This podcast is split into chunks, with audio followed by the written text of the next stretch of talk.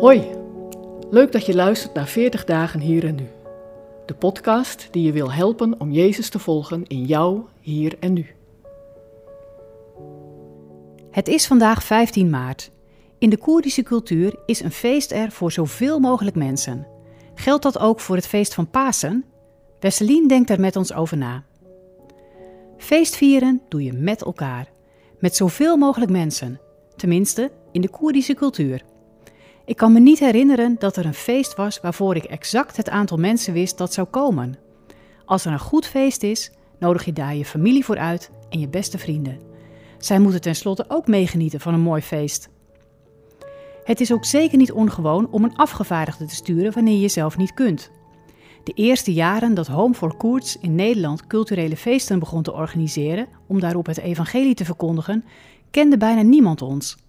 Maar hoe meer mensen ons kenden en onze naam verbonden werd aan goed georganiseerd, lekker eten, veiligheid en goede muziek, hoe meer mensen er kwamen en dus ook hoe meer mensen de boodschap van het evangelie hoorden. En wanneer een genodigde zelf niet kan komen, dan stuurt hij iemand anders, om daarmee te zeggen hoe hij de feesten waardeert. We lezen vandaag uit Lucas 16 over de rijke man en de arme Lazarus.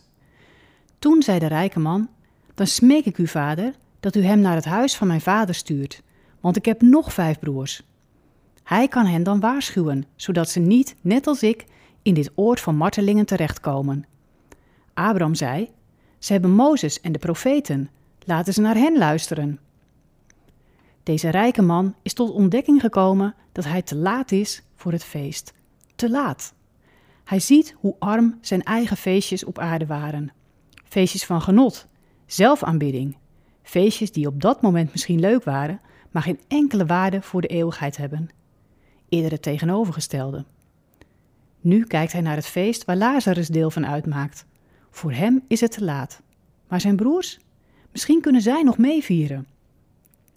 Zijn zij dan niet uitgenodigd? En moet Lazarus de heerlijkheid waar hij in is verlaten om het hun te vertellen? Daar is Abraham duidelijk over. Zij hebben Mozes en de profeten. Laten zij naar hen luisteren. Elke dag hebben ze de kans om de uitnodiging voor het eeuwige feest aan te nemen. Het enige wat ze moeten doen is luisteren.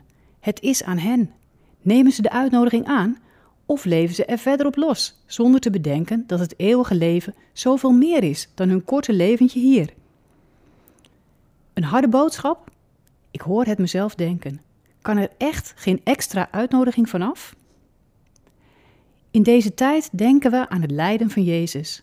De hele weg die hij ging om ons toegang te geven tot zijn feest, zijn opstanding en overwinningsfeest.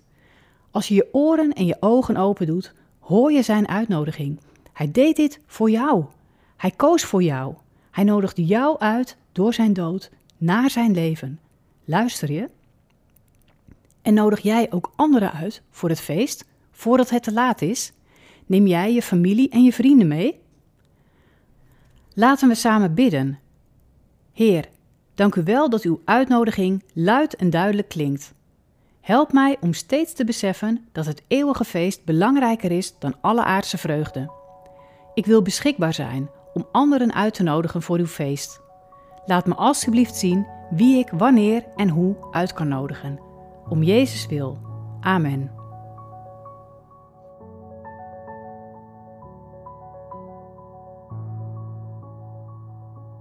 Wil je meer weten over deze podcastserie? Ga dan naar 40 dagen. Voor de Bijbelteksten in deze podcast gebruiken we de NBV 21 van het Nederlands en Vlaams Bijbelgenootschap.